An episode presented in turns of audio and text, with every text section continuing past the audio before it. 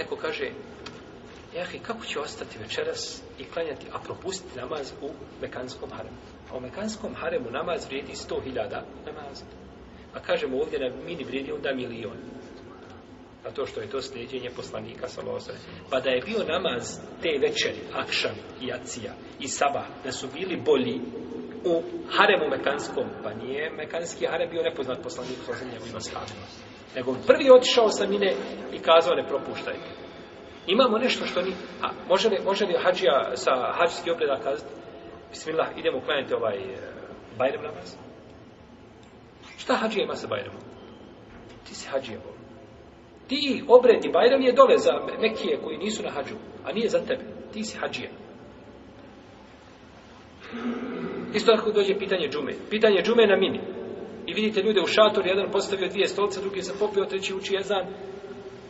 I ljudi drže hut, poklanjaju. Kakva džuma bola? Kakva džuma na, na, na mini? Poslanik sam bolio na mini, je li klanjao ta džumu kada je bio?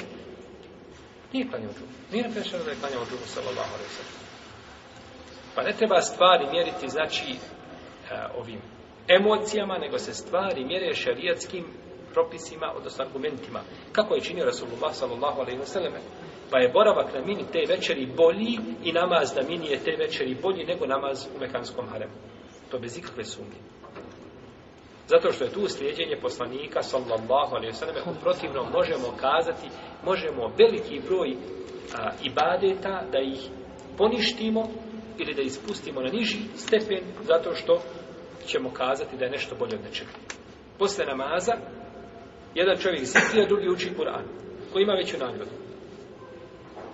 Nešto zikri. Onaj koji zikri, iako je učenje Kur'ana bolje od zikra po konsensusu uleme bez razila ženja, najbolje govori govor Allaha te marake od I nema ništa vrijednije, ništa čovjek bolje i lepše i, i jeftalnije ne može izgovarati svojim ustima od Allahovi azeođele riječi. No, međutim, na ovom momentu je šta? Učenje je zikr bolji.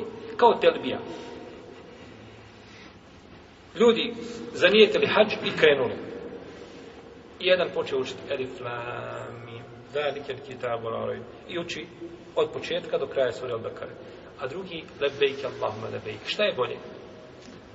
Telbija. Zato što je telbija na ovom mjestu šerijetski propisana i šerijet traži od tebe telbiju i poslanik sam kaže došao mi je Džibril i naredio mi da naredim ashabima da izgovaraju povišenim glasom telbiju. A nije rekao naredio im da povišenim glasom uče šta? Kur'an, pa sve ima svoje.